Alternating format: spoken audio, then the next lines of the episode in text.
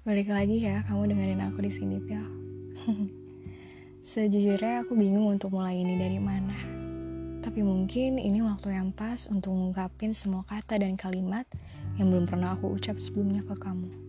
Dan mungkin juga kamu bisa dapat jawaban dari pertanyaan-pertanyaan yang belum terjawab sama aku di sini. Langsung aja kali ya. Sebenarnya aku cuma pengen ngasih tahu kamu sesuatu sih yang aku rasa harus aku sampein ke kamu biar nggak lama-lama aku simpen sendiri dan bikin aku jadi lega. Yap, seperti yang kamu lihat di judul ini, Reason Why. Tentang alasan kenapa ada kata kita di antara dua insan yang sebelumnya asing ini.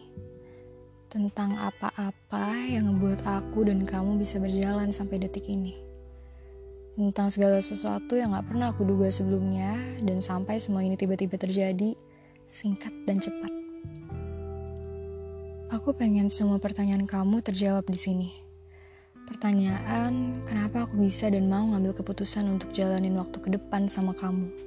Pertanyaan, kenapa aku mau untuk kasih dan ngebuka jalan untuk kamu masuk ke kehidupan aku begitupun sebaliknya?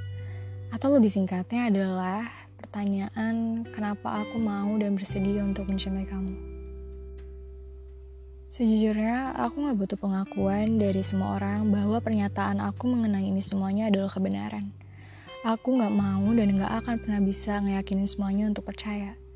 Biar semua kenyataan, aku aja yang simpan dan tahu. Tentunya aku juga gak bisa bersikeras untuk ngeyakinin dan buat kamu percaya sama aku. Itu semua adalah kebebasan yang gak bisa aku tentukan. Aku cuma mau kamu tahu, bahasannya gak ada yang lebih indah dibandingkan dengan mencintai seseorang apa adanya. Semua kekurangan akan tetap menjadi kekurangan ketika dilihat oleh orang yang mencari kelebihan dan kepuasan. Tapi ketika kita bertemu sama orang yang tepat, semua kekurangan itu akan terasa jauh lebih baik dan menjadi pelengkap dari semua kelebihan. Karena yang dicari itu ketulusan. Kenyataan bahwasannya kekayaan yang menjadi salah satu kelebihan kamu bahkan bisa membuat orang secara gak sadar yakin bahwa yang aku cari dan mau dari kamu adalah itu semua. Aku akuin memang kamu seberuntung itu, Pial. Tapi aku gak mau untuk manfaatin keberuntungan kamu. Aku juga gak mau munafik. Manusia pasti suka keindahan. Baik itu keindahan lahir maupun batin. Tapi keindahan itu bukan alasan terkuat untuk seseorang singgah bahkan menetap. Sama halnya dengan materi dan kekayaan. Semua itu adalah sesuatu yang fana, bersifat sementara, gak abadi, dan tentunya akhirnya akan menjadi sia-sia jika yang aku kejar adalah itu semua.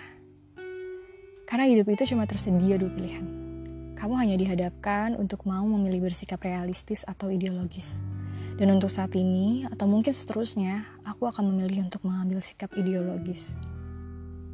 Kenyataan hidup yang aku milikin ketika dijalankan oleh sebagian orang, mungkin mereka akan memilih realistis jika dihadapkan dengan dua pilihan tadi. Salah satunya adalah dengan memanfaatkan keberuntungan yang dimiliki oleh orang-orang seperti kamu. Berharap bahwasannya kehidupan mereka akan jauh lebih dimudahkan. Tapi bukannya hidup ini hanya perihal bersyukur dan ikhlas ya? Segala sesuatunya memang masih bisa diusahakan dan didapatkan, tapi bukan dengan cara mempunyai hubungan atau mendekati orang-orang seperti kamu jawabannya. Untuk itu aku pikir, selagi aku masih punya waktu dan kesempatan, sebisa mungkin aku akan berusaha sekeras-kerasnya untuk dapetin apa yang aku mau dengan hasil keringat aku sendiri tentunya. Karena hidup gak bisa sesempurna dan seinstan itu. Materi masih bisa dicari, dan aku masih punya harga diri. Dan sampai kapan pun, harga diri aku gak akan pernah bisa dibeli oleh kekayaan. Jadi, kesimpulan dari semua ini adalah bukan tentang aku bertahan dan mau ngejalanin semua cerita ini sama kamu untuk dapetin semua materi dan kekayaan yang kamu punya. Tapi ini perihal kenyamanan dan kepribadian kamu yang selalu pengen aku dalami dan pelajari selamanya.